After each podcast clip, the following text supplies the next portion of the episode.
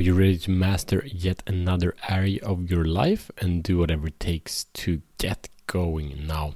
So today I will share uh, part of the conversation I had, actually two conversations I had today, but basically the same topic, and how you can tap into the wisdom uh, that these guys realized and uh, create more of who you want to be. So welcome to Shut the Fuck Up podcast. My name is Matt Fyren, and this show is for men that are ready to free themselves from the prison of playing small and unleash their personal greatness. We do this by showing up in the four areas that create a meaningful life, being purpose, passion, power, and profit. So this is a conversation about going from dabbling to success.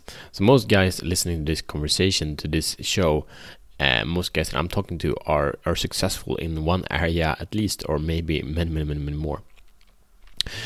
But usually, what tends to happen is that the standard in, in that successful area don't spill over in all other areas, being that they have challenges and struggles in, in different uh, aspects of life. So maybe they are excelling in the area of health or or, or um, career, but they are having uh, struggles in the area of relationships or money management or impact or feeling on purpose and so on it varies different for all. And as you know what this is all about uh, on Shut the Fuck Up is to create life beyond compromise having it all. Okay. And what um, this really comes into is the question about mastery. And and mastery is quite easy in my experience but it's it takes a lot of effort. And to me the most meaningful aspect of mastery is life mastery being the first area of leadership. So we have leadership of ourselves, leadership of, of our families, leadership of uh, our our businesses, leadership of our communities. We got to start with ourselves, and way too many guys fail to do this.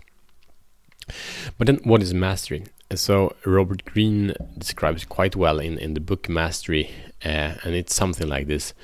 It, it takes a intense study and exploration of uh, an area that you usually don't see is one area because you study multiple fields at the same time and then you bring this knowledge uh, together and that's how you become really really really skilled at one thing.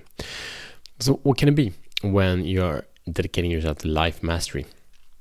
Of course it's studying yourself. Most people live their life but they're actually not taking notes and actually not analyzing actually not checking in checking out learning uh, what is actually happening what is working what is not working. Meaning that things um, these functions stay on for way too long and functions are not um, enhanced enough. But a few areas that you can study to reach life mastery is of course then everyday life but your own psychology and aspect of psychology in general. Sociology is how you interact with other people in the in the social society. You can study masculinity, uh, study relationships um, by your close ones, with your children or lovers, and so on. And physiology. If you, for example, would start studying these areas, you will start learning so much about yourself. But what does that mean? It means that in each of all these areas, there are a lot of distinctions that most people are actually not aware of. And you can study other aspects as well. But we come to see, aha, is that why I'm doing what I'm doing? Aha, is that what I'm thinking, what I'm doing? As I'm thinking, is that what, what I'm feeling, what I'm feeling? So we all have strategies that, that we are not aware of, and that's okay. But here's a way to get uh, clear about them and get in charge of them and change them. And that is the journey to go from dabbling to success. So my invitation to you, if you would commit to success in one more area, to or commit to achievement in one more area, what would that be?